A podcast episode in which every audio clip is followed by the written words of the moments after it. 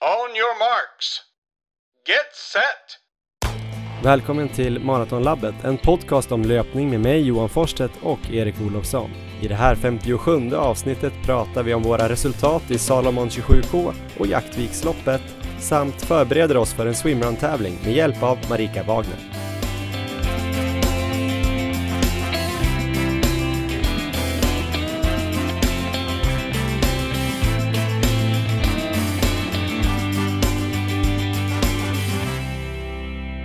Hej Erik! Eh, hur är läget? Det var länge sedan. Tjena Johan, idag är det bra. Det är mycket bättre än det var sist vi pratade. Mm, sist kändes det som att du satt och nojade en del över eh, lite knäkänningar och knäproblem. Mm, vi ska väl gå in på det snart och se hur det har gått med den eh, grejen. Men först tänkte jag bara välkomna alla lyssnare till det här 57 avsnittet och eh, dessutom rikta ett stort tack till Löplabbet som ju sponsrar vår resa här i sommar och höst mot eh, Lidingöloppet, eh, Breaking 2 och Valencia sub 2.39 kvala in till SM. Då måste man ha ett bra knä va, Erik, eh, om man ska kvala in till SM? Ja, det måste man. Har du det nu då? Två stycken? Jag hoppas det, utan att jinxa det för mycket. Um, men knäna är bättre. Men jag var lite orolig ett tag. Jag hade ju någon teori om löparknä sist vi pratade i podden. Och jag provade att springa dagen efter och det gick ganska bra att springa. Jag kunde springa en mil ungefär fast med lite känning ändå så jag var lite orolig. Jag kände väl någonstans att eh, det skulle kanske vara bra att ta en hel veckas vila nu. Men det är inte så lätt att bara göra det. För att? Ja, men man vill ju ändå springa om det går, känner jag. Även om man vet att kanske det smartaste är att bara ta det lugnt en hel vecka så går det att springa och det inte gör så ont. Så det är ändå inte så lätt att göra det. Var inte Elof Olsson inne lite på det där att man skulle springa igenom skador? Jag kommer inte ihåg om det kom med i intervjun till slut, men han pratade om det. Ja, ja, det är möjligt, men jag tror inte det är något tips som är så bra att ge ut här. Så, uh... jag tror han menar mindre känningar sådär, att man ibland, alltså att man inte skulle i alla fall ändra steget så mycket. Så om man kunde springa och det inte gjorde för ont, tror jag att han menar att man kunde skulle springa som vanligt i alla fall och se om man kunde tolerera smärtan om det gick bort. Men eh, det är ja. det du har anammat i alla fall. Men det tipset till folk som har något analkande löparknä är inte klockrent heller. Nej, det, vi rekommenderar inte det här. Men jag hade turen att dra på mig en riktig förkylning med feber och halsont och eh, ja, och med turen menar jag då att jag kunde inte springa vare sig jag ville eller inte på en hel vecka. Det var ju lite oroväckande där med dina knäproblem och att vi skulle upp till eh, Vålådalen ja. i Jämtlandsfjällen och springa i två dagar med Jonas Lundmark och Jörgen Nilsson. Den oron var ju befogad på något sätt för att eh, du kom ju aldrig till start i det där lägret utan du var hemma och vilade. Ja, äh, det var ju nackdelen med sjukdomen då att jag missade hela fjällägret så det var jättetråkigt. Men det var aldrig riktigt nära utan jag, när ni var uppe och sprang så låg jag eh, med rejäl slemhosta och förkylning så eh, det var en hel vecka som jag var borta från löpningen. Jag fortsatte med lite av de här planerna jag pratade om sist, att eh, behandla mitt eh, så kallade löparknä, så jag körde mycket foam rolling och eh, stretching och sådär. Ehm, så att eh, knät fick vila i alla fall och eh, sen kom jag tillbaka då efter en vecka och då kändes det, kändes det bra igen. Jag har nog aldrig hört dig så glad över en sjukdom någon gång. Nej. Det kändes nästan som att du välkomnade den med öppna armar. Du, dels fick du ett knä som fick läka lite grann och vila lite grann och dels fick du värsta så här tapering till ditt, ditt viktigaste lopp tydligen för hela året. Det här Jaktviksloppet eh, en jätte, jättestor tillställning uppe i Norrbotten, 6 kilometer. Helt korrekt. Som du eh, tydligen till och med mörkade att prata om i förra avsnittet för att du var rädd att det skulle komma ett för bra motstånd. Så nu skulle du äntligen få vinna det där loppet. Du, jag tycker nästan att du får berätta lite mer om det där loppet och eh, även hur du, hur du tänkte när du valde att eh, ställa in hela vårt fjällläger för att du skulle ligga hemma och och peppa igång för det här loppet. Så kan jag prata lite mer om fjällöpningen och vad du missade sen. Ja just det, ja nej fjälllägret är ju, även om du kanske inte tror på det, det var, det var inte riktigt nära utan där, det, ja, jag hade, jag hade jättegärna velat vara med, det, var, det såg riktigt härligt ut på bilderna. Men eh, som sagt, jag fick ju en eh, ganska bra, kanske taperingvecka här. Eh, det har ju varit fantastiskt väder här uppe i Norrbotten också, alltså extremt varmt, eh, plus 30 eh, flera dagar. Jag hann ju med i alla fall två stycken eh, träningspass, två lugna distanspass innan det här 6 km loppet då som jag har velat springa ganska länge. Jag skulle springa det redan förra året här uppe i Norrbotten, Jaktviksloppet som det heter då. Min familj har hus i närheten och så här och eh, min syster brukar springa. Så, eh, men förra året då så, du kommer kanske ihåg vad som hände i fjällen? Ja, just det. Det var någon som bröt tån och en tand. Ja, så att jag fick ställa in det då, så att det tog ett år till innan jag kom till start. Men eh, fantastiskt trevligt lopp, eh, jättehärlig tillställning där med en sån här byadag och eh, det var ett, eh, de brukar ha ett swimrun-lopp, men i år var det mm. ett simlopp, 1500 meter. Sen var det ett lopp för barn plus ett 6 km lopp som går på en slinga där med väldigt varierad terräng, eh, ganska kuperat och man springer på en del skogsstigar med stenar och rötter och sådär. Mm. Men eh, jag kom till start där i alla fall, det var tveksamt in i det sista, men jag kände mig tillräckligt bra på den dagen. Lite slemhosta kvar bara, men knät kändes bra. Gick det ett sus genom publiken när du klev in där på startlinjen och folk hade undrat liksom, legat sömnlösa, kommer han komma? Den här kända killen från Maratonlabbet, som är sitt livsform. Han har varit lite sjuk nu, men Ja, vi får se. Så bara, där är han. Ja. Vi får se honom springa. Var det så? Ja, men i mitt huvud Johan så var det nog, nog så. Jag hade ju visualiserat det här loppet framför mig många gånger på löpbandet. Men hur många är det som springer Jaktviksloppet ungefär? Eller hur många var det nu? Jag vet inte, jag har inte sett några resultatlistor, men det är ju såklart inget av Sveriges största lopp, men ett av de trevligaste skulle jag säga. Men eh, det var en eh, otroligt varm dag. Det var ju 34 grader så att eh, timmen där innan start så satt jag bara så här gömd bakom en lada där i skuggan och bara försökte överleva. Ehm, och starten gick, jag startade lite lugnt, la mig väl på en 56 plats kanske. Men sen så eh, nådde vi första kilometern ändå på 3.25 tror jag, så det gick ändå ganska fort. Och eh, där någonstans mellan kanske en och två kilometer så var jag uppe där i delad ledning och så började jag trycka på lite och eh, fick väl en liten lucka ganska snabbt där, så halvvägs in i loppet så, så hade jag en liten lucka bakåt. Eh, så jag sprang väl och sneglade lite bakåt där mellan 3 och 4 kilometer och då hade jag någon kille som var ganska nära ändå så det var riktigt så här stressande. Jag har ju liksom aldrig varit i känslan av att ligga, ligga, leda, ett le, leda ett lopp, det har aldrig någonsin hänt så att det var en extremt stressande känsla. Men eh, jag tänkte bara att mellan 4 och 5 ska jag trycka allt jag kan bara och eh, verkligen inte tappa någonting där. Så där fick jag lite större lucka. Så med en kilometer kvar så kunde jag kolla bakåt och hade ändå en ganska ganska rejäl lucka så att eh, jag låg på bra hela vägen in i mål så att jag var ju helt helt slut i mål. Eh, men... Jag såg någonting där att du hade fått en ny uppmätt maxpuls. Ja, det stämmer. Jag var ju uppe i nästan maxpuls direkt i loppet. Första gången jag kollade på klockan tror jag låg på 182 i puls och min maxpuls är 185. Eh, mm. och när jag kollade ner vid 5 km så var min puls på 187. Så det var ungefär den nivån i värmen på det här loppet då. Men eh, men det gick bra och jag var inte helt förstörd i mål heller och vann väl med en eh, hyfsat god marginal så det var ju fantastiskt att få vinna ett lopp. Ja, men hur känns det då? Dessutom trail, du sa att det var rötter på banan också. Ja. Det är ju helt otroligt. Ja, jag var extremt nervös under de partierna och eh, fokuserad. Men eh, det fungerade. Men hur rankar du den här segern då? Ja, men det är väl tillsammans med stafetten då förra året så, Just det. så får jag väl sätta dem dem högst helt enkelt. Rent eh, självförtroendemässigt och träningsmässigt då? Vad gav det här loppet tycker du? Um, ja, men det kändes ändå som att, uh, som att jag ligger bra till tycker jag. Jag tror jag snittade 3.35 och uh, det var ju en väldigt, väldigt varm dag och en ganska trixig bana så uh, det, tyckte jag, det tyckte jag kändes bra. Mm. Så, nej men nu är jag tillbaka igen efter sjukdom här och har sprungit här dagarna efter.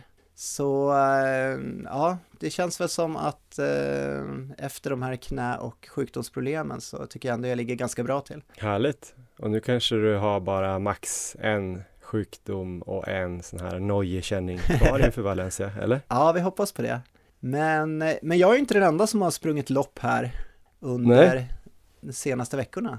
Nej, vi har sett rätt många på Instagram som har sprungit lopp och även jag har sprungit lopp. Eh, det har väl kanske knappast undgått någon som jag har tjatat om det här Salomon 27K uppe på fjällmaratonveckan i Årefjällen där. Jag hade ju laddat upp då inför det här loppet med att köra 34 kilometer fjälllöpning på måndagen och 34 på tisdagen. Det här fjälllägret som du tyvärr inte kunde vara med på. Ja. Då sprang vi också från Vålådalen upp eh, där på fjället, Lunddörren, Lundurspasset första dagen tillbaks och sen förbi de här pyramiderna i Vålådalen och bort till Anaristugan och runt där med en riktigt, riktigt stark och på nytt född Jonas Lundmark. Det var riktigt kul och kul och eh, få hänga på honom över fjället. Det var en fröjd att se. Härligt. Eh, men jag vet inte om det här var en jättebra tapering-grej att springa 70 kilometer nästan på fjället i början av veckan eller det kan ha varit eh, så att jag var, hade lite sega ben på lördag men det kan också ha gett att jag fick lite eh, jag fick lite feeling för bergen igen för det är en ganska speciell grej att springa när det blir sådär riktigt brant och man ska upp på toppar. Just det. Det är en sak att springa lite trail eller på fjället när det är platt men när det är sådär att man ska verkligen upp på en topp och sen ner och så upp på en, någon till topp så det blir ju knappt löpning på ställen, eller det blir inte löpning överallt. Det blir ju verkligen att man får gå snabbt uppför. Och det här loppet då som jag sen sprang på lördagen var ju då eh, 27 kilometer över tre toppar kan man säga.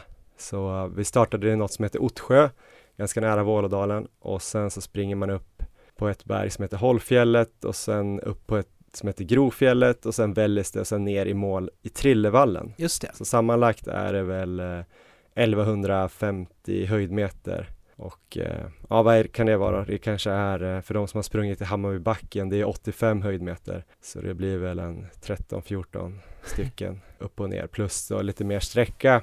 Det var också varmt Erik. Ja, Det var ju varmt även i Östersund, runt 30 i alla fall. Det var inte 34 någon dag. I, uppe i fjällen var det nog ändå så här 25-26 kanske redan där på morgonen när vi startade klockan nio. Så det var riktigt varmt redan då. Många som var oroliga för solen. Jag och Elof däremot, vi hade inte smort in oss eller någonting. Vi tänkte vi ska få bondabränna. Jag frågade faktiskt om han hade solkräm. Jag träffade honom till Ja. starten. Han bara va? Solkräm? Nej, nej, nej. Jag ska bränna mig, så. Så då tänkte jag, han kan väl inte ha fel. Så vi körde bara på där. Eh, Jag känner mig ganska seg i starten måste jag säga. Det var ju en kilometer, lite likt där, rusning, ditt lopp. Eller du låg ju, och vi låg ju lite längre bak. Jag försökte också göra det, men det Ja. var ju asfalt då kanske första kilometern. just det. Vilket, eh, där vill jag verkligen hålla igen, men samtidigt vill man ta lite position, för det smalnar ju av lite mer när man kommer upp mot berget och lite så här fjällstigar och sådär. Så jag försökte hålla någon hyfsat bra inledning där, men jag kände mig riktigt seg när det nästan direkt började gå upp för någon så här skogsväg, lite bredare. Ja. Ehm, Tänkte så här, det var varmt så inåt helvete och jag tänkte det här kan bli en riktigt lång dag. Ehm, Men då tänkte jag bara, ja, men jag ska bara försöka njuta.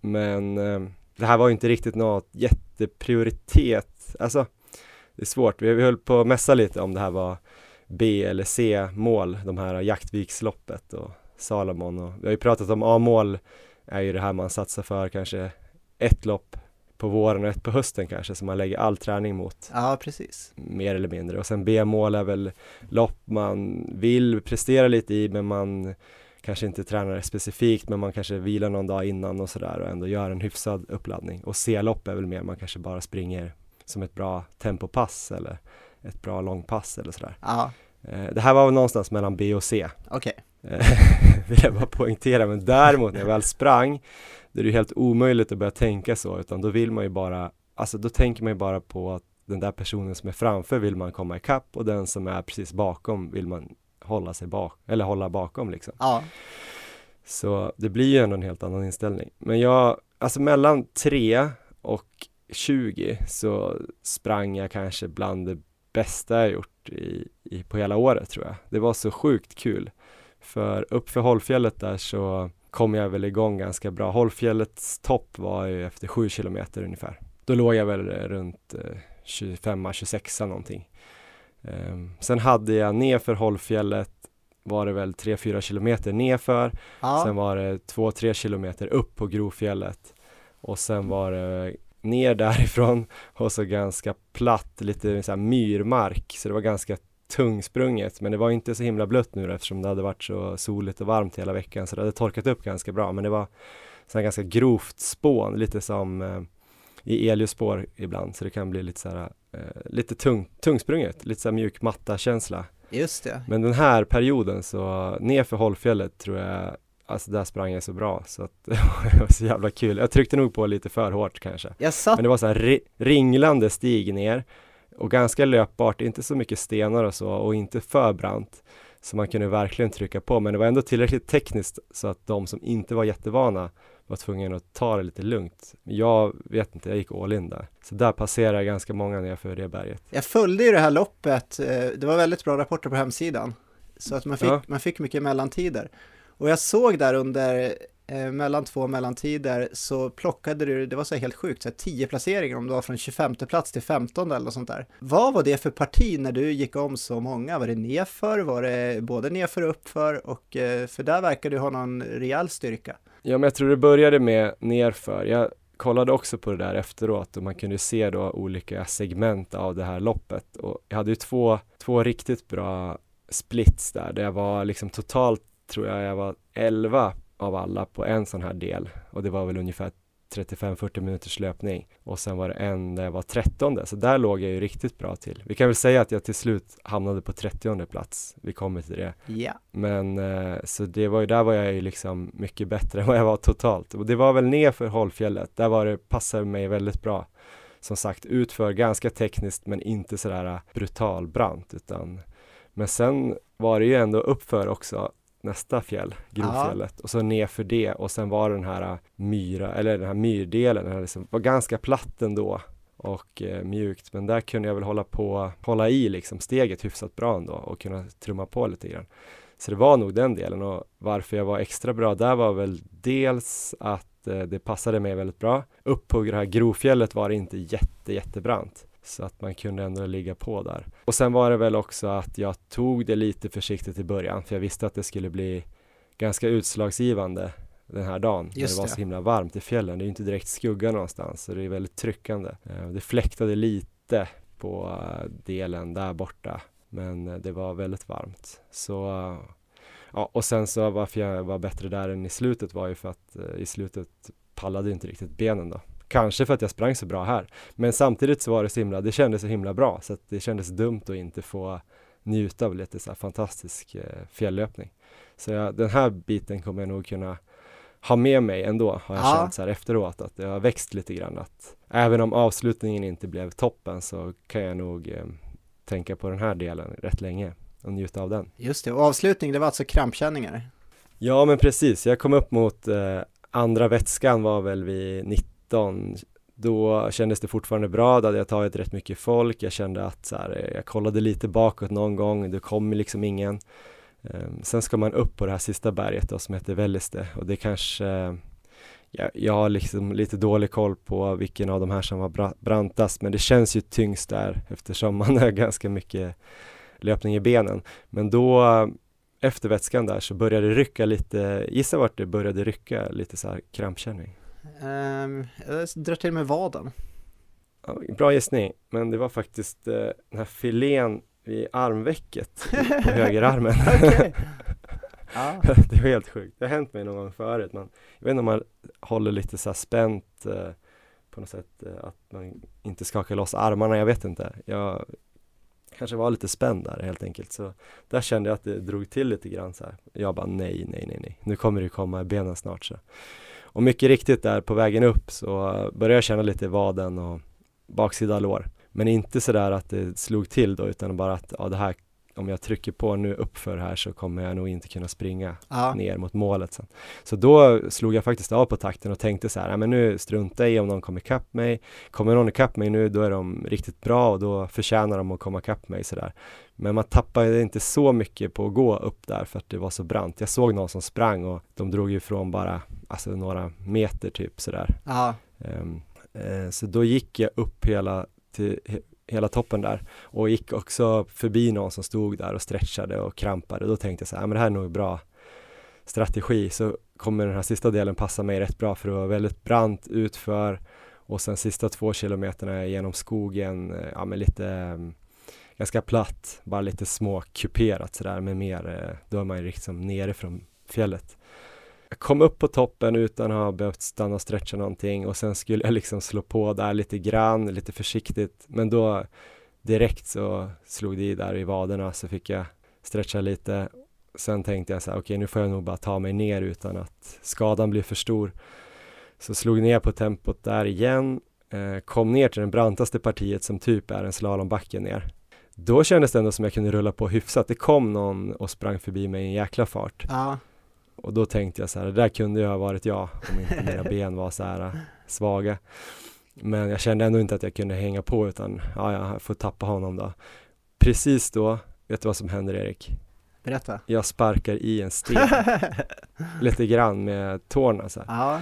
eh, jag, så jag ramlar aldrig, men för att jag inte skulle ramla så spände ju hela kroppen sig för att liksom parera den här lilla snubblingen. Då dunkar krampen till i båda baksida lår Alltså där, riktigt eh, hårt så här som på fotbolls-VM eh, i slutet av förlängningen när någon bara verkligen ligger och skriker och kan inte komma upp och kan knappt stretcha ut det själv utan det måste komma någon. Jag får i alla fall tag på tårna så jag kan liksom sitta där och stretcha. Hur långt tar du till mål då? Då tror jag det var kanske fyra kilometer kvar. Just det. Eh, så då var jag på väg ner och så hade jag väl kanske en, två utför och sen två kanske lite plattare. Men det var ju surt då, för där, eh, då försökte jag ställa mig upp och så slog det till igen, så jag satt mig ner och då tänkte jag så här, nej men nu ska jag låta det här, eh, jag får stretcha liksom en minut för att jag måste, annars kommer jag inte komma i mål, tänkte jag nästan. Jag, det här har hänt mig på stora fjällmaran, att jag knappt kom i mål den här sista biten. Ja. Då hade jag haft kramp mycket, mycket längre innan också, för det, det är ju 44 kilometer, eller 43 kilometer. Men eh, ja, det var lite segt. Då hade jag lite mörka tankar där. För det var ju länge sedan eh, det kändes som det hände. Det har ju varit, det var ju lite känning där i Frankfurt men det här var värre. Så det här var lite mer som förr i tiden höll jag på att säga. Men det kom då också dessutom typ en sån här liten klunga på fem, sex personer. Vilket var ju surt att se att man tappade så mycket placeringar. Jag tror jag låg 21 eller någonting uppe på toppen där. Ja. Ja, så jag kom i mål på två 34, 51 eller något sånt där. Det säger ju inte så mycket, men jag hade väl någon förhoppning om att uh, gå någonstans mellan 2.30 och 2.45. Just det. 2.45 hade ju Lisa Ring sprungit på för en massa år sedan. Så hon sa ju att det var en bra tid att försöka slå, eller att jag skulle kunna slå den i alla fall. Så det gjorde jag. Ja. Men jag tror kanske att jag hade kunnat klara 2.30 om jag inte hade behövt stanna och stretcha, om jag kunde istället ha tryckt på här över Välleste och ner. Men man är ju inte bättre än vad sina ben är. Men eh, mycket bra kämpat Johan. Om vi ser lite så här framåt bara då mot Lidingöloppet. Vad kan du ta med dig från det här loppet eh, som gör till exempel att du inte behöver få kramp där i slutet i abborrbacken eller eh, att du kan hålla hela vägen in i mål i Lidingö? Nej men det är väl mer att eh, jag tror det här loppet i sig har stärkt mig lite grann och kanske flyttat gränsen lite längre fram innan jag ska få kramp liksom. För att det här var ju väldigt, eh, det här är ju mer än dubbelt så många höjdmeter på en kortare sträcka än Lidingöloppet så att ja, det är inte nödvändigtvis så att eh, det här eh, siar om att jag kommer få kramp på Lidingö. Så det känner jag ändå att det här är så pass annorlunda och jag har inte riktigt tränat på den här typen av löpning.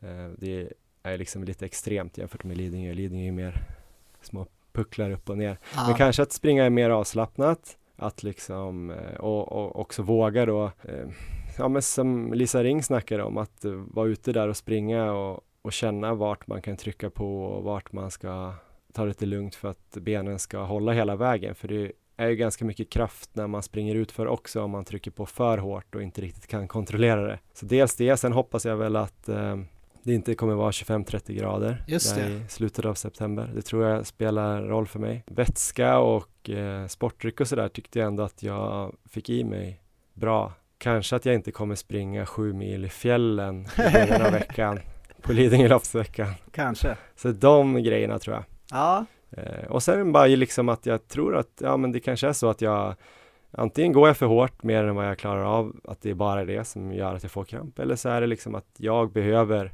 min muskelfibersammansättning och kropp behöver kanske köra lite mer hårdare, mer specifikt än vad andra kanske behöver göra. Jag kanske behöver liksom, det kanske inte är helt fel att göra som jag har gjort och springa Lidingöloppet hela, liksom några gånger till i nära farter som jag kommer göra på loppet för att verkligen kroppen inte ska få en chock. Ja, men det tror jag också hårt på, just de här Lidingöloppspassen.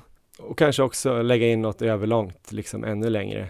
Just det. Att jag kanske springer en mil innan jag springer Lidingöloppet, vad vet jag, eller fem kilometer innan, eller avsluta med halva sista milen igen när man är klar där, bara för verkligen ja, något sånt. Vad tror du? Jag tror väl eh, lite ungefär som Christian Munt pratade om när vi intervjuade honom, att den här, med den här totalvolymen kommer göra att du nog slipper kramp sen under loppet. Mm. Eh, vecka efter vecka ligga på en eh, ganska hög volym som du kommer göra nu då fram till Lidingö. Och jag tror att jag tror det kommer, eh, kommer göra att det kommer gå hur bra som helst. Ja, härligt. Yes. Det tror jag också. En annan sak som kanske talar för det är att jag har några eh, lopp kvar också så här som jag tror kommer stärka mig lite grann och det är dels eh, den här Icebug West Coast Trail som jag ska springa i slutet av augusti eller månadsskiftet augusti-september. Det är tre dagar eh, på Bohusläns klipper. Jag tror det är ungefär en halvmara om dagen, fredag, lördag, söndag som ett så här etapplopp. Ja. Så jag är sjukt mycket fram emot. Och sen också ett lopp som du och jag faktiskt ska springa Erik. Stämmer. Om, eh, vad är det nu? Tio dagar, det är väl en vecka ungefär när det här släpps. Det är 10 augusti ska vi springa och simma. Ja. En swimrun i eh, Nyköping. En tävling som heter Ångaloppet som vi på något sätt har lyckats anmäla oss till. eh, och det var väl så att eh, jag har funderat lite grann på att det vore kul att springa en swimrun för att eh, det känns himla härligt med den här frihetsgrejen att kunna springa bara över någon, något parti och så kommer man till en sjö och så bara fuck it, jag simmar över och sen fortsätta springa. Och nu hittar vi den här som var lite um, ganska bra ratio mellan löpning och simning. Vi är inga jätteduktiga simmare, även om du visade stora skills där när vi var på Fuerteventura. Man kan, väl Men, se, uh, man kan väl säga att vi är två jättedåliga simmare. Det tycker jag man kan göra. Ja, i swimrun och simmått mätt är vi jätte, jättedåliga. Eh, ja, men det ska vi i alla fall göra. Och då är det 20, 20 tror jag kilometer eller totalt eller om det är 22 och eh, 2 kilometer simning. Och sen så blir det rätt eh, hård löpning som jag fattar det över lite kobbar och skär och obanat i skogen och med lite simning i benen. Så det tror jag också kan stärka mig lite grann. Tyvärr ingen draglina så att du kan dra mig löpningen har vi fått höra nu. För vi har faktiskt gjort en intervju om swimrun och eh, fått lite tips om hur vi ska klara av det här ångaloppet på bästa sätt. Jag tycker vi kör den nu Erik, så kan vi prata lite mer om hur träningen har gått och så här hur vi ser framåt sen. Vi har i alla fall intervjuat Marika Wagner som har vunnit Ö till Ö och kommit tvåa där tror jag fem gånger. Hon är också sån här adventure Race-stjärna, cyklar mountainbike, eh, ja, hon, hon, är grym och eh, var grym i intervjun också. Så här kommer Marika Wagner. On your marks. Get set! Ja, men då vill jag välkomna Marika Wagner till Maratonlabbet. Eh, först välkommen! Tack så mycket! Du är cyklist, multisportare och sjukt duktig på swimrun och dessutom coach inom alla de här disciplinerna. Vilken av sporterna förknippar du dig med mest just nu? Um, just nu kanske multisporten. Okay. Eh, eller framförallt adventure racingen, eh, det långa. Det är det som ligger närmast på min horisont nu. Jag ska åka och köra ett lopp som heter Silk Road Mountain Race. Eh, vi ska cykla 170 mil i Kirgizistan. Så egentligen är det ju bara cykling, men det är lite mer på adventure race-tappning. Är det 170 mil liksom så fort man kan eller är det uppdelat i olika etapper och sådär eller lägger man upp det som man vill? Det är non-stop racing så det är, man lägger upp det som man vill. Så sömn blir ju som en del av taktiken, precis som i de långa multisportloppen jag brukar köra. Ja. Men hur mycket tänker du sova? Jag vet ju att jag har, vi har en gemensam bekant som heter Hanna Näslund och hon berättar ju lite grann om multisporttävlingar där hon sover liksom två timmar per natt i sju dygn eller något. Och då tycker hon ja. att hon sover mycket ungefär? Ja, men det kommer bli något sånt. Den här, den här tävlingen kommer vara längre än vad, vi, eh, vad jag har någonsin har gjort förut. Jag har kört sju dygn som längst tidigare. Eh, och nu kommer vi nog gå upp över 10, 10 till 14 dygn. Eh, så då har vi lite ny taktik där vi kommer sova ungefär tre timmar per natt. Mm. Men sen kommer vi i mitten ta en, en hel sömn. Okej. Okay för att ladda om. Men berätta lite mer om alltså, tröttheten man upplever om man kör sju dagars racing. Dels hur känns den hur, hur går man igenom den? Jag tänker att det är lite bra perspektiv för oss som typ håller på max med ett maraton och tycker det är jättelångt och jobbigt. Alltså man har ju egentligen två sorters trötthet. Dels så kommer man ju vara, eller man är galet trött i kroppen. Men så brottas man ju också med sömntröttheten. Eh, eller som vi brukar kalla det för sleep monsters. Mm. Eh, och sömntröttheten den kommer och går. Och egentligen kropp, känslan i kroppen också på sådär långa race. Eh, man kan vara liksom on top för att någon timme senare somna sittande på cykeln och köra rakt ner i diket. Mm. Har hänt flera gånger. Eh, eller nästan ramla ur kajaken. Um, och det, alltså man är ju så trött att man, man hallucinerar, man, man tappar liksom alla tanketrådar. Jag, jag kan inte hålla en tanketråd när jag är inne i de där sömn, sömnmonterperioderna. Och sen kan man också plocka upp en tanketråd från ingenstans. Eh, när jag körde VM nu i, eh, i november i vintras så körde jag med ett sydafrikanskt lag. Och jag kunde verkligen från ingenstans helt plötsligt börja prata om vardagliga saker hemma på svenska med dem. Bara berätta så här, imorgon tänkte jag göra det här och det här och det här. De, för det första förstod de ingenting och sen är det ju också helt orelevanta saker för att imorgon ska jag fortsätta cykla här på den här ön med de här människorna. Så att eh, nej, det är jätte, det blir rörigt i huvudet och man har ju extremt svårt att hålla sig vaken. Men det är någonting ändå som gör att man kan fortsätta röra sig framåt och det är ju en del av varför jag tycker att den där sporten är så spännande. Den andra tröttheten då? Att hålla på så himla länge? Den kommer och går också. Eh, självklart tappar man i tempo. Eh, men det är också en av de häftiga grejerna med de här riktigt långa loppen. Att, att man kan vara helt slut och paj och sen komma tillbaka och vara superstark och för mig handlar det jättemycket också om eh, att vi tävlar i lag. Man, har, man kan alltid vara stark för någon annan. För mig är det en jättestark drivkraft att kunna hjälpa laget, att hela tiden göra mitt bästa för laget. Ibland är det att faktiskt låta sig bli omhändertagen när man själv är nere så att man kan komma tillbaka. Och ibland är det att bära någon annans ryggsäck eller hjälpa någon annan med någonting. Mm. Eh, så det är också drivkraft som gör att den här tröttheten i kroppen kan bli som bortspolad när man, eh, när man behöver steppa upp för laget. Men har du några tips på mentala strategier för hur man ska komma vidare trots att man är trött? För det kämpar man ju mot oavsett distans egentligen. Sen är det oftast mer en fysisk trötthet på maraton än man har ju ofta sovit bra. Men just det här med att liksom, eh, ja men alltså för trötthet är ju ofta mentalt nästan. Det är ju någonstans huvudet som säger dig att släppa eller, eller lägga av. Hur, hur, hur struntar man i de signalerna så att säga?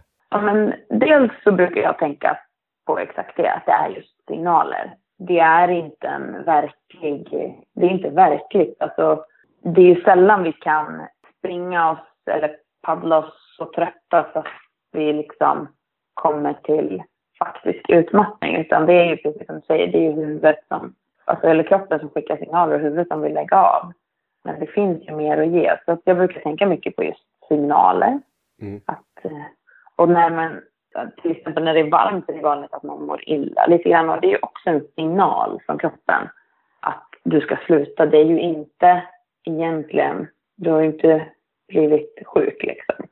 Utan det är ju kroppens sätt att säga till dig att kan vi, kan vi sluta, kan vi lägga oss ner nu? Eh, så dels så tänker jag jättemycket på det, att det är signaler. Sen så tänker jag också väldigt mycket på att det går över. Mm. Och jag, nu är inte jag någon maratonlöpare. Jag har ju sprungit distansen men inte på det sättet med den typen av pace som man gör Nej. på ett maratonlopp. Eh, så att, men jag tänker att det kanske ändå kan vara lite som att man, det går lite upp och ner. Mm. Att man kan ha lite downperioder och att man kan få en bra känsla igen jag tänker jättemycket på att det går över. Jag är trött nu, men det är inte för alltid. Jag kommer inte vara det om en stund. Eller, och det är samma med andra grejer, obekvämligheter. Jag fryser nu, men jag kommer inte frysa om en halvtimme fortfarande. Alltså, det kommer också gå över. Eh, jag är hungrig eller jag är låg. Allting kommer gå över. Och sen löser jag nästan alla problem med att äta mer energi. Ja, perfekt. Men eh, jag tänkte också, vilket är jobbigaste loppet du har genomfört? Det lopp har så mycket, de här, framförallt långa lopp med ett lag av fyra personer har så mycket faktorer till sig så att de kan ha varit jobbiga på olika sätt. Eh, jag hade ett väldigt mentalt jobbigt race i, nu i våras på Nya Zeeland. Eh, då vi hade problem i laget som gjorde att det, det gick väldigt trögt för, för oss som lag. Eh, och det var mentalt jobbigt för att det blev väldigt eh, man blev, jag, liksom, vi, vi, kunde inte luta oss så mycket mot varandra utan det vart att man fick kämpa med alla sina mentala eh, spöken själv hela tiden. Eh, så det var väldigt tufft mentalt. Eh, sen har jag köpt riktigt, riktigt långa lopp. Eh, sju dygn är jobbigt. Det är otroligt utmattande på så många plan. Så att, eh, det är klart att, att den gick jag nästan in i något som någon ny. Eh, jag tror att det loppet var som jobbigast efter fem dygn. Sen när vi väl började närma oss mål där efter sju dygn, då kunde man ha hållit på i i två dagar till, tror jag.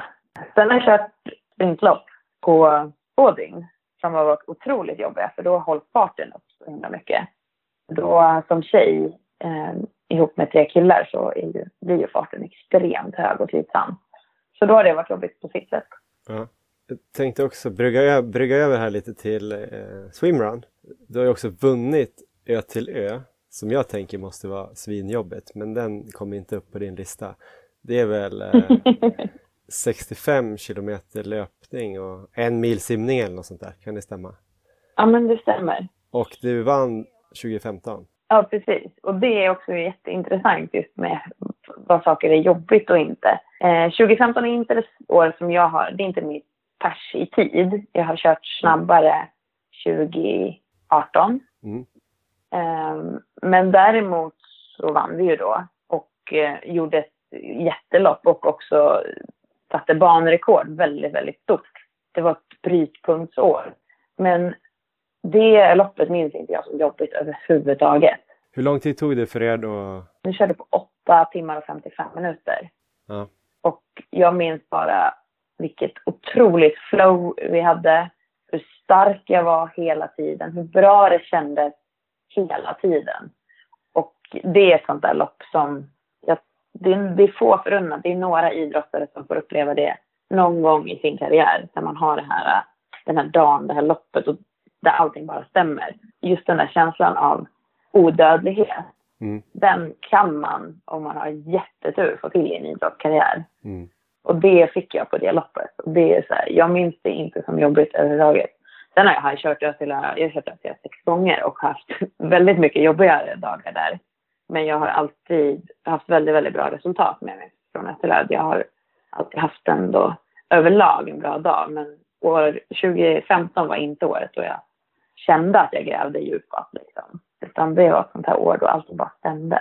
Men vad är det som gör dig så bra på swimrun? Tror jag ju egentligen inte om vi plockar ut det, varken den bästa löparen eller den bästa simmaren. Eh, men däremot så har jag alltid haft eh, den här drivkraften för långa lopp. Eh, och också såklart bra fysiska förutsättningar, bra uthållighetsfaktorer. Jag har en drivkraft i mig där jag inte ger upp. Jag har ingen... Jag, har, jag är aldrig klar förrän jag är klar. Jag slår inte av på Kymmendö för att vi ligger efter. Eh, när det är några mil kvar. Utan jag har en, jag har en drivkraft i mig som gör att jag alltid liksom kör hela vägen in i mål. Vilket har gett mig flera eh, silvermedaljer på Ötelö. Där vi har tagit mycket på slutet och gjort stora upphämtningar. Sen också, alltså swimrun är ju inte löpning och simning utan det är ju swimrun. Mm. Och att vara, förstå den och vara bra på att få i ur vattnet snabbt och eh, och sådär. Det spelar roll. Man tjänar eller tappar jättemycket tid man, beroende på hur man gör det. Mm. Och den utvecklingen har ju såklart varit enorm de senaste åren inom swimrun. Jag tror att vi var ganska tidigt ute också med att vara duktiga på det. Mm. Jag och Erik har ju lyckats anmäla oss här till en swimrun av någon anledning. det ska bli jäkligt kul men det är också lite så här, äh, det är ju inte ångestframkallande men det är lite så här nervöst ändå för vi är ju inte så bra simmare och vi har aldrig kört eh, swimrun förut. Vi ska springa, springa och simma Ångaloppet. Jag tror det är 20 kilometer totalt och eh, 2 kilometer simning så det är ju verkligen en sprint i dina mått mätt. Men eh, det är viktigt för oss att få dina tips eftersom vi vill prestera och även överleva. Men eh, först och främst... Men det är två, ja. två bra mål. Ja. Att prestera och att överleva. Det tycker jag ändå var bra, bra målsättningar. Men jag tänkte vi kanske ska börja där du sa att eh, det inte är varken simning eller löpning utan att det är swimrun. Är det någonting där vi ska tänka på så att vi inte delar upp det för mycket? Jag tror att det är 24 simsträckor eller någonting. Hur mycket kan man vinna på att liksom ta sig i och ta sig upp och sådär?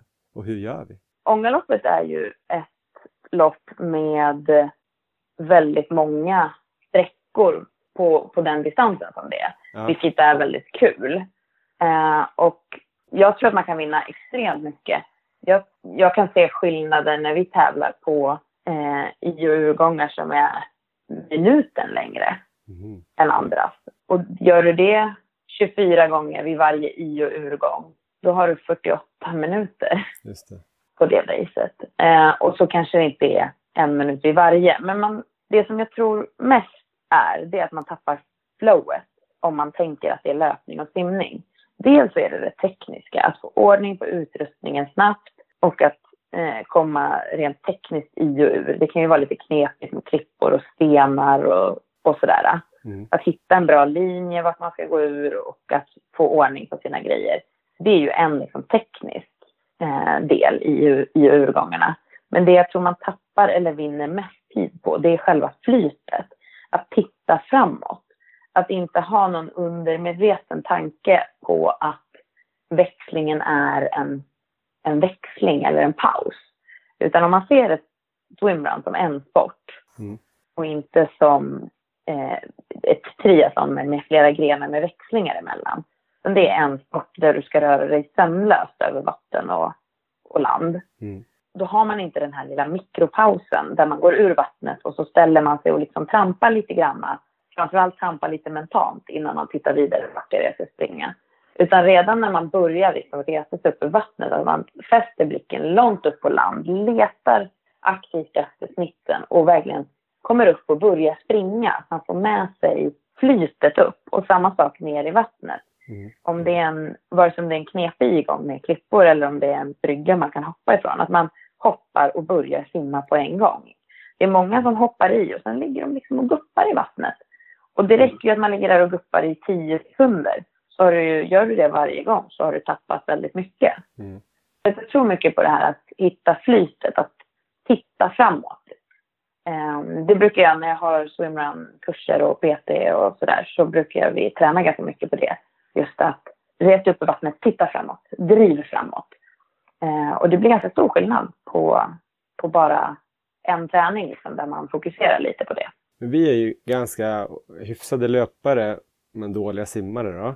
Som referens har jag simmat Vansbro en gång precis under timmen.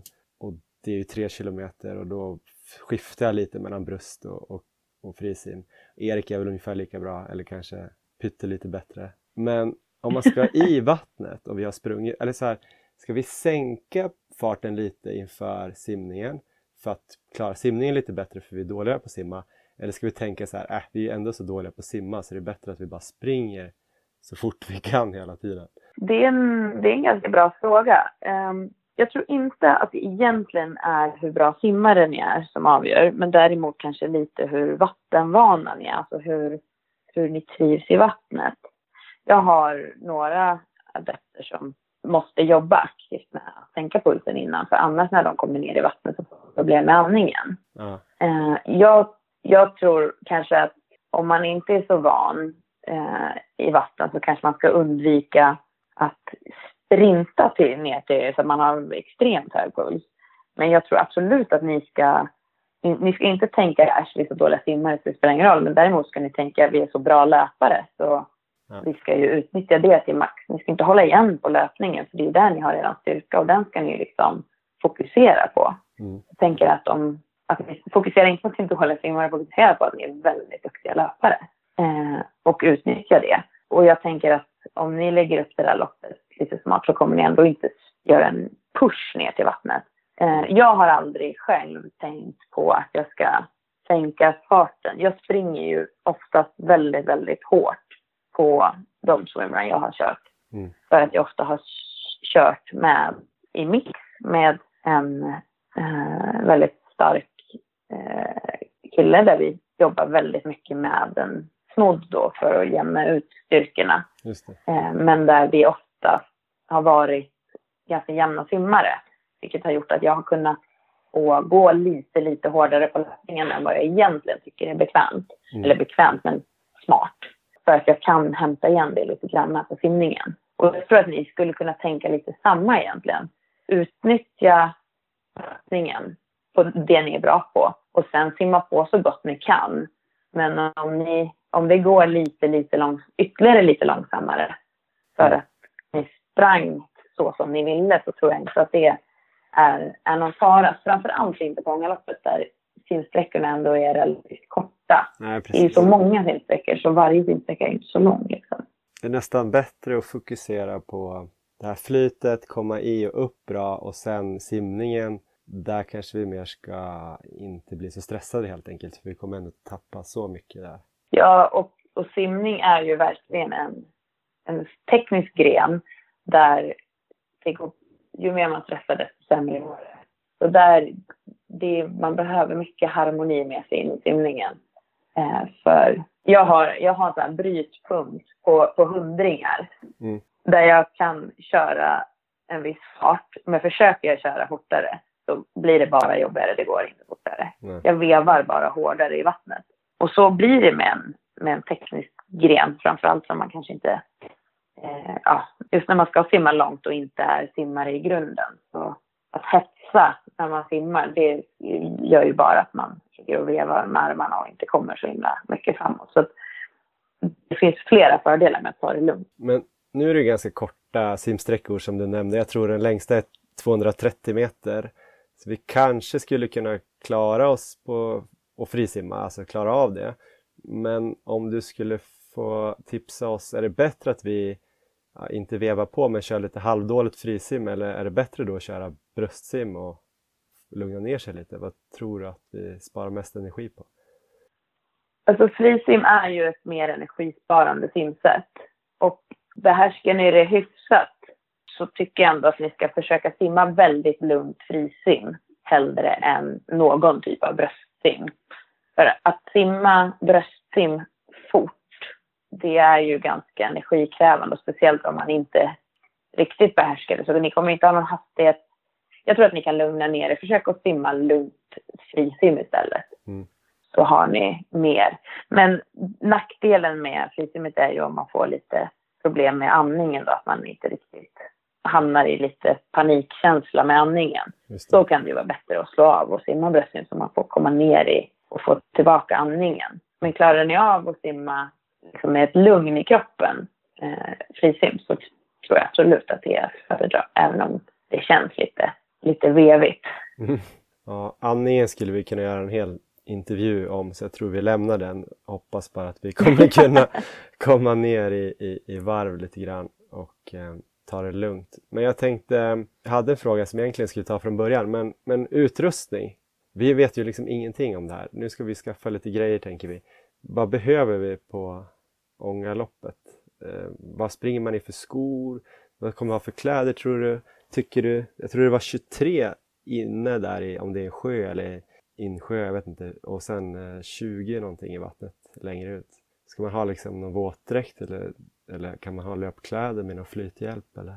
Eh, på Ångaloppet så brukar ju de flesta köra utan våtdräkt för det är också ett av de få race som man får köra utan våtdräkt. Ah, okay, mm. eh, och håller, havet kan ju växla väldigt, väldigt fort mm. beroende på hur det blåser. Men håller det de temperaturerna som det är nu så tycker jag absolut att ni ska ta chansen att köra utan våtdräkt för det är väldigt, väldigt härligt. Mm. Och våtdräkten blir otroligt, även med de nya swimrun-våtdräkterna som finns och som är väldigt tunna och eh, flexibla, så det blir otroligt varmt och det stör ändå löpningen lite grann. Även om de är väldigt, väldigt bra nu. Men, när jag körde ÖSE första gången så körde jag i en hellång simvåtdräkt eh, och tyckte det var helt okej. Okay. Jag tyckte inte att det var något problem då. Men eh, ja, perspektiven flyttas ju. Och de som körde innan mig körde ju med ännu mer grejer. Men annars på ångaloppet så är det också ganska enkelt med utrustning därför att man får inte ha paddlar. Nej, just det. Eh, vilket man har många andra lopp. Eh, så det behöver man inte ens fundera på då. Eh, man får inte ha lina. Det, de har tagit bort det, jag tror mest som en säkerhetsgrej. Jag har alltid tyckt att det har varit lite tråkigt för för mig är det en del av lagsporten att man kan hjälpa varandra. Men på ångaloppet får man hjälpa varandra på andra sätt. Så de två grejerna går ju bort. Men sen är det ju någon typ av flythjälp. Mm. Och då, mitt bästa tips som jag tycker, men här vet jag att folk tycker olika, det är att ha en sån här dolme som är som en flytgrej man sätter mellan benen. Mm. Eh, och jag tycker om att man spänner fast den i en snodd runt midjan. Då tycker jag den sitter bäst, stör minst och är lättast att ta i och ur vid igångarna. Många har den i snoddar runt benen, men jag kommer med bestämdhet hävda att jag har sett alldeles för få som lyckas med den lösningen utan att de antingen strular när de ska i och ur eller springer runt och hasar upp den hela tiden på benet. Okay. Eh, och det brukar finnas snoddar som går kors och tvärs och huller och buller för att hålla uppe den där grejen. Men jag säger keep it simple. Gör ett hål rakt igenom, sätt en snodd runt midjan. Ja. Men finns det snoddar att köpa eller gör man en snodd själv? Det kan du köpa på en, eh, någon typ av järnaffär eller eh, båtaffär eller någonting. Eh, gummikord på lö- den säljs på meter vara. Man behöver inte köpa en specifik swimrun-snodd. Utan de där gummibanden finns att köpa på tygaffär eller båtaffär. Och dolmen köper man bara och borrar, eller vad gör man? Eh, det brukar gå bra med någonting långt och, och vasst. Ja. Eh, vad som helst. Eh, ja. Och det finns ju massa olika bra dolmar. De som är liksom gjorda för swim, swimrun specifikt är oftast lite lättare. Ja. Dolmarna från början var ju ett träningsverktyg som simmare använde och har aldrig haft något krav på sig att de ska vara lätta. Nej, just det. Så en simdolm är oftast ganska tung, vilket är helt onödigt. För det finns lätta. Eh, eller så kan ni göra som jag och bygga en egen hemma. Jag har tagit två petflaskor och en bit eh, frigolit och limmat ihop. Mhm. Mm. Den har gått sex stycken till nu så att eh, det funkar. Vi kanske ska snickra något. Men eh, annars då? Men om vi har dolmen då, då ska, kan vi ha bara vanliga typ löpartights och eh, vad har man upp till? Finns det speciella swimrun eh, tävlingslinnen eller något? Eh, det finns det, men det, alltså vad du än har på överkroppen när du ska simma så kommer ju det dragga lite granna. Mm. Eh, så de flesta på ångaloppet eh, kör nog utan killarna. Och så som tjej får man försöka hitta en... Man måste testa innan, för de flesta sporttoppar draggar väldigt mycket i vatten och de flesta simbikinis är inte super nice att springa i. Så där måste man verkligen testa sig fram och hitta en topp som, som man tycker funkar Mm. för båda delarna.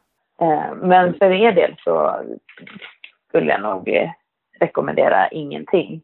Typ ett par tights och ett par skor. Ja, ja. Simglasögon kanske? Nej, simglasögon kör jag utan. Och jag har också, det har jag också alltid gjort. Eh, så det är mitt hemliga vapen och som jag tipsar alla om att i alla fall testa.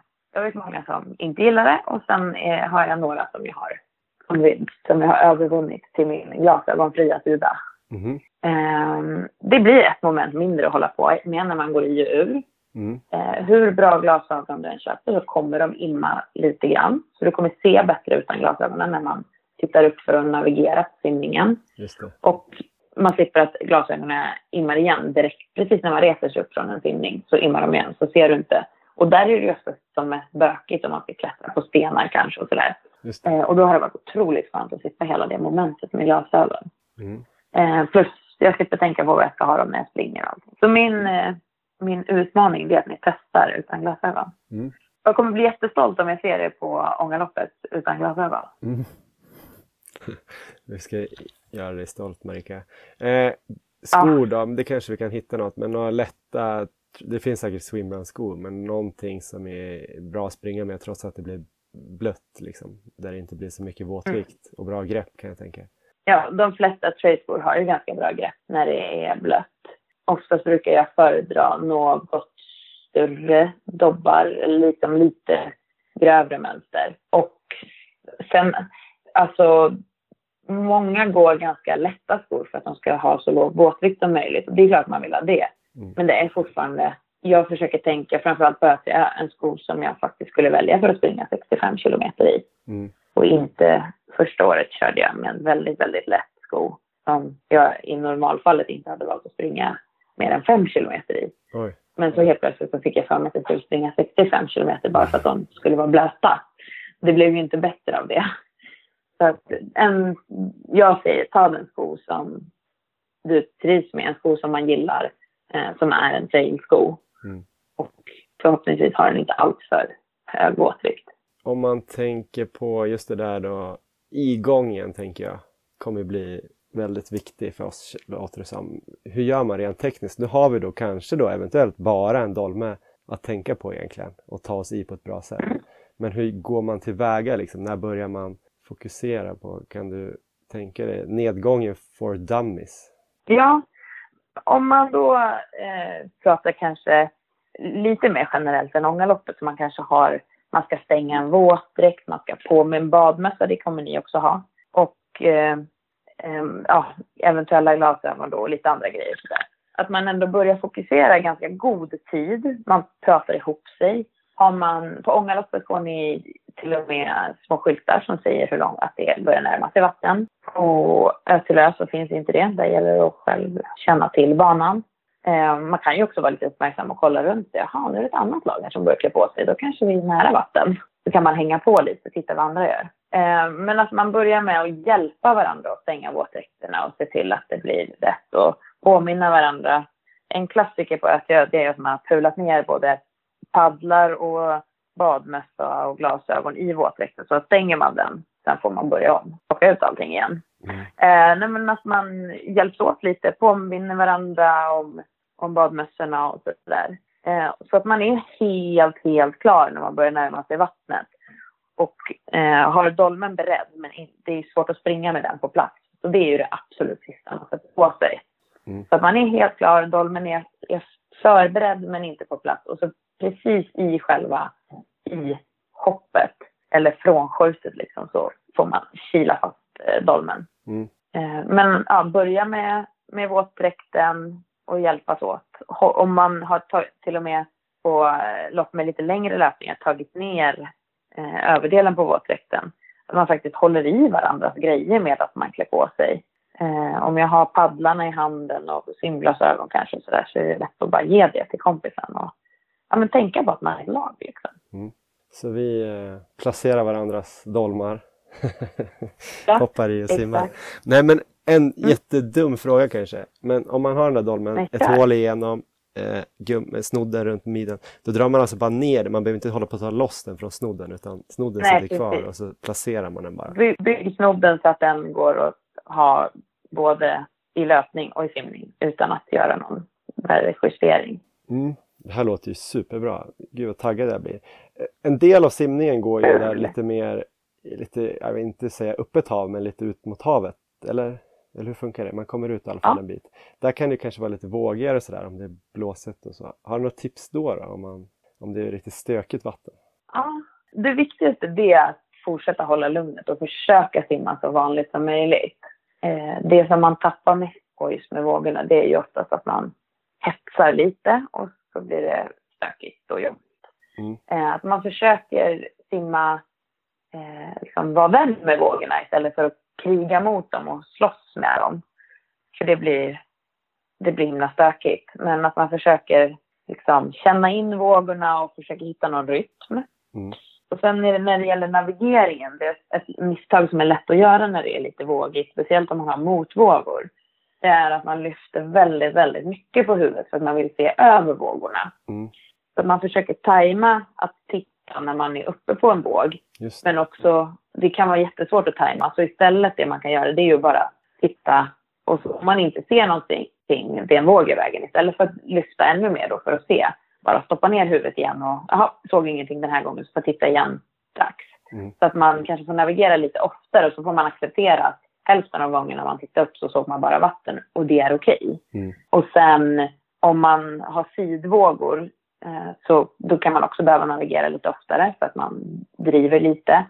Och då kan det också vara jättebra att ha ögon på att andas åt båda hållen. Så man slipper andas. Kan man bara andas åt höger och det kommer bara vågor från höger då, då kan man vara lite i, i skiten. Precis. Men angående navigeringen då, hur ofta bör man navigera? Det beror ju på såklart hur säker man är på att simma rakt och så, men ungefär mellan tummen och pekfingret. Och brukar man ha så att en, kanske den duktigaste simmaren navigerar och den andra bara försöker hänga på eller?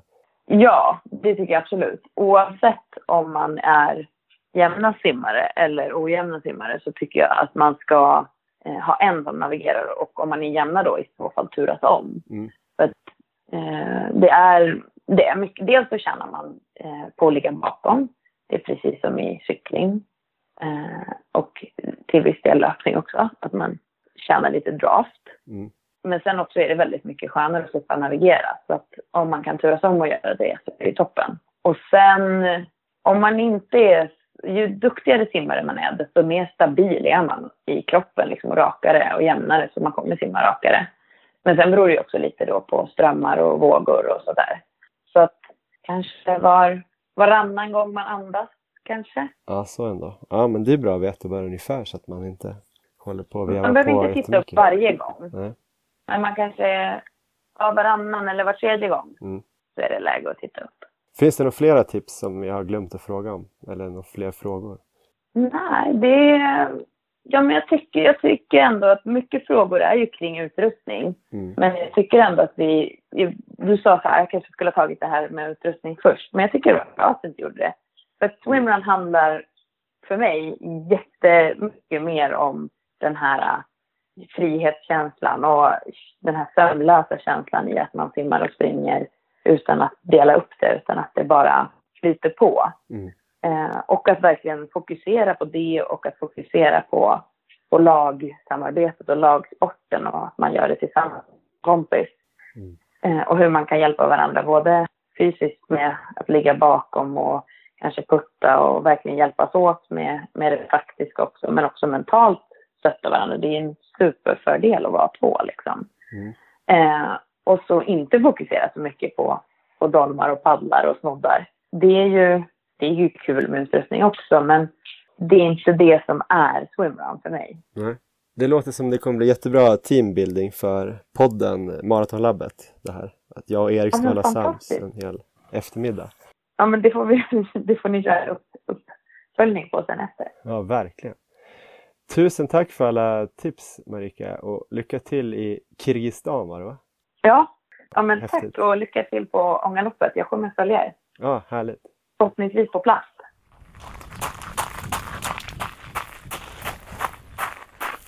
Yes, det där var alltså Marika Wagner som är också coach inom eh, swimrun och multisport och mountainbike och det var bra att få lyssna på en coach, eller hur Erik? Lärde du dig någonting om swimrun? Ja, jag har ju varit jättenervös sista veckan egentligen inför det här, när jag började tänka mer på det. Så att eh, nu, nu känner jag att jag fick väldigt mycket bättre koll på vad, vad vi borde göra. Vad känner du kommer bli det viktigaste då för att vi ska prestera där? För vi ska väl ändå på något sätt, när vi väl ställer oss där på startlinjen, då känns det som att både du och jag kommer att vilja göra det så bra som möjligt. Sen har vi såklart inga ambitioner om någon jätteframskjuten placering, men man kommer väl vilja gå ganska hårt, eller?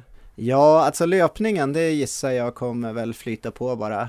Så att det, det vi får lägga lite fokus på här inför är ju kanske som hon pratar om just på det här flytet, så att man ser det som ett, liksom ett helt lopp och att eh, allt ska liksom eh, flyta ihop på något sätt. Så det, det tror jag blir jätteviktigt och jag har hört det förut också lite grann om just det här när man går i och ur, att där, där finns det tid att göra. Så vi får väl, eh, ja, får träna lite själv helt enkelt inför det där. Jag bor ju här bredvid en älv nu så jag får väl helt enkelt gå i och ur vattnet lite. Testa. Mm. Ja, jag har ju inte sprungit i och ur sådär, utan jag har ju simmat lite grann på sommaren här bara för att det varit så varmt. Men jag har Ja. verkligen inte simmat eh, inga seriösa simpass utan bara tänkt så här, nu tar jag några crawltag och ser hur det känns.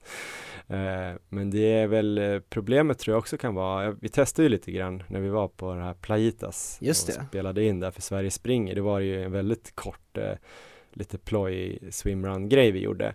Men bara av att ha dunkat max över stranden och sen hoppa i ett hav med vågor så Ja, blev man ju sjukt stressad känner man ju. Så ja, att simningen som vi hade tränat på lite innan gick ju från ja, riktigt dålig till katastrof extremt dålig. ja, Eh, tyckte jag i alla fall.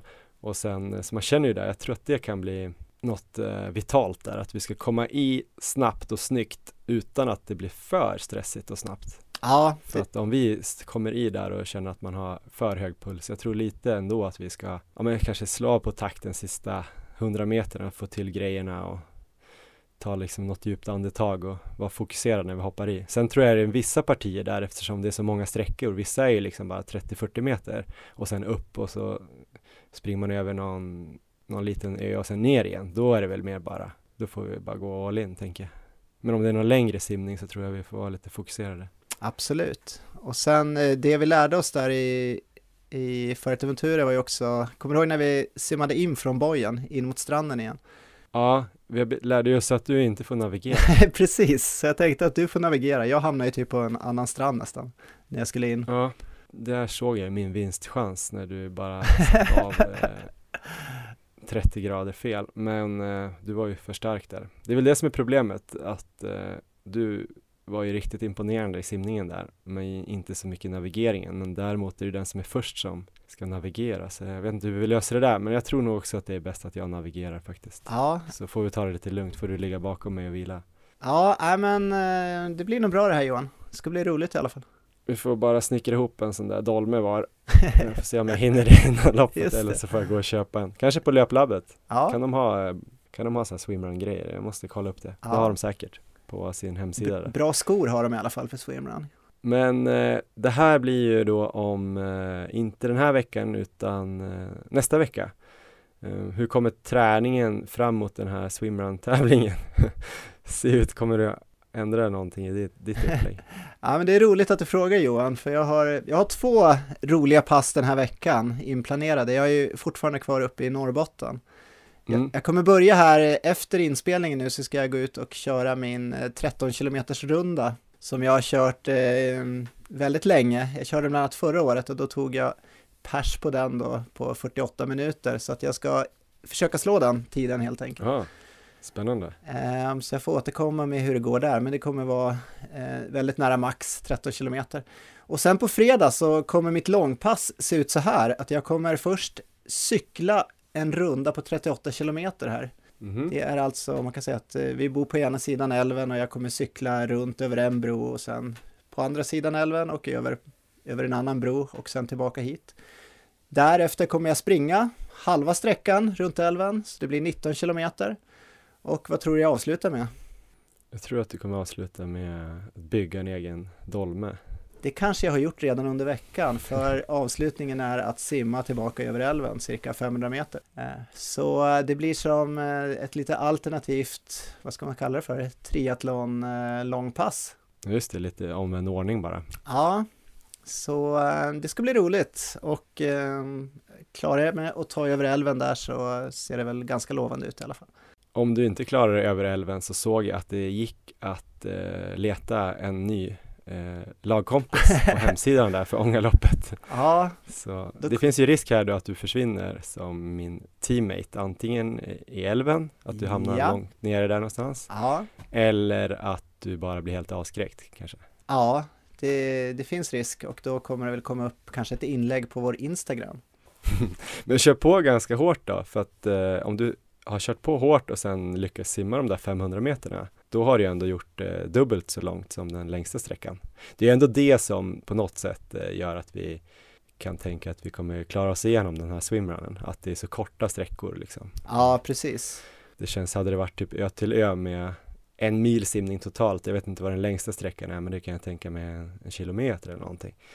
Då hade vi nog eh, på öppet vatten också, det hade nog inte slutat jättebra tror jag. Ja, Um, nej men det, det går nog bra det där, men uh, själv då? Ska du ut och simma någonting eller springa? Jag är ganska sliten i kroppen fortfarande efter det här loppet, uh, vilket ju kanske inte är jättekonstigt för jag gick ju ganska hårt och fick kramp också. Det brukar bli lite värre då, man brukar bli riktigt stel så mina vader är inte helt hundra. Men jag var ute och sprang igår, 13 kilometer. Jag har någon tanke om att den här veckan ska få bli typ en, uh, alltså en återhämtningsvecka i intensitet men kanske inte i volym. Just det. Att liksom ligga kvar på min volym. Jag har ändå nu i, vad det nu blir, fem veckor sprungit eh, ja, mellan sju och en halv och tio mil i veckan. Så det blev ju tio mil här förra veckan och bara i fjällen nästan. Um, men jag tänker att jag inte ska dippa för mycket utan hålla igång och springa men kanske inte kommer gå på riktigt hårt förrän det känns helt uh, bra. För jag kan tänka mig att det är lite olika nya muskler som fick kämpa hårt här i fjällen. Så trycker jag något riktigt hårt så är jag lite rädd att jag ska få någon så här äh, efteråt. Det låter väl klokt eller? Ja. Eller mesigt kanske. Nej men det låter bra. Och här då kanske jag med fördel kan slänga in lite simning också. För det är ju väldigt skonsamt äh, för oss löpare och eh, nog riktigt bra för den här tävlingen. Så kanske att planen blir att springa runt åtta mil och sen få in lite simning och kanske ha köpt en sån här äh, dolme då eftersom jag inte är så bra på att snickra. eh, så kanske man skulle kunna testa lite med den. Och så tror jag kommer gå på lite hårdare med träningen veckan efter. Det kommer ju kanske inte bli någon riktig tapering inför Ångaloppet. Det är en typisk C-tävling tror jag. Ja. Även om den eh, rent så här upplevelsemässigt känns som en A-tävling. Det ska bli sjukt kul att prova. Men det är ju inte som att vi kommer ligga hemma och vila upp oss så hårt. Utan det blir en roligt träningspass. Ja, det är inga prestationskrav utan det är mer bara överleva tycker jag. Mm, och hålla sams. Just det.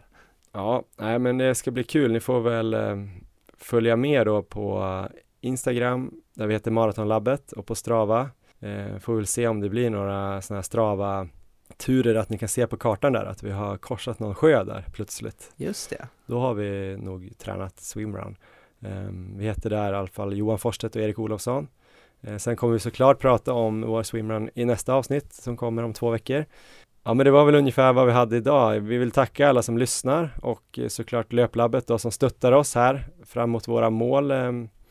Erik, vad tror du att, uh, vad är procentsiffrorna just nu på att jag klarar under två timmar på Lidingöloppet? Um, ja, men jag, jag säger 51 procent att du fixar det. Ja men då har det stigit 1 procent va? Eller har du alltid haft 51-49? Um, jag tror du hade 50-50 ett tag? Jag tror det, så det, det blir bättre och bättre. Du har 2 procents chans att klara det tycker jag. ja. Nej då, du kommer jogga 2.38. Det kommer bli mäktigt att vara med om. Eh, tack så himla mycket. Eh, vi hörs framöver. Ha det bra Erik. Yes, ha det bra.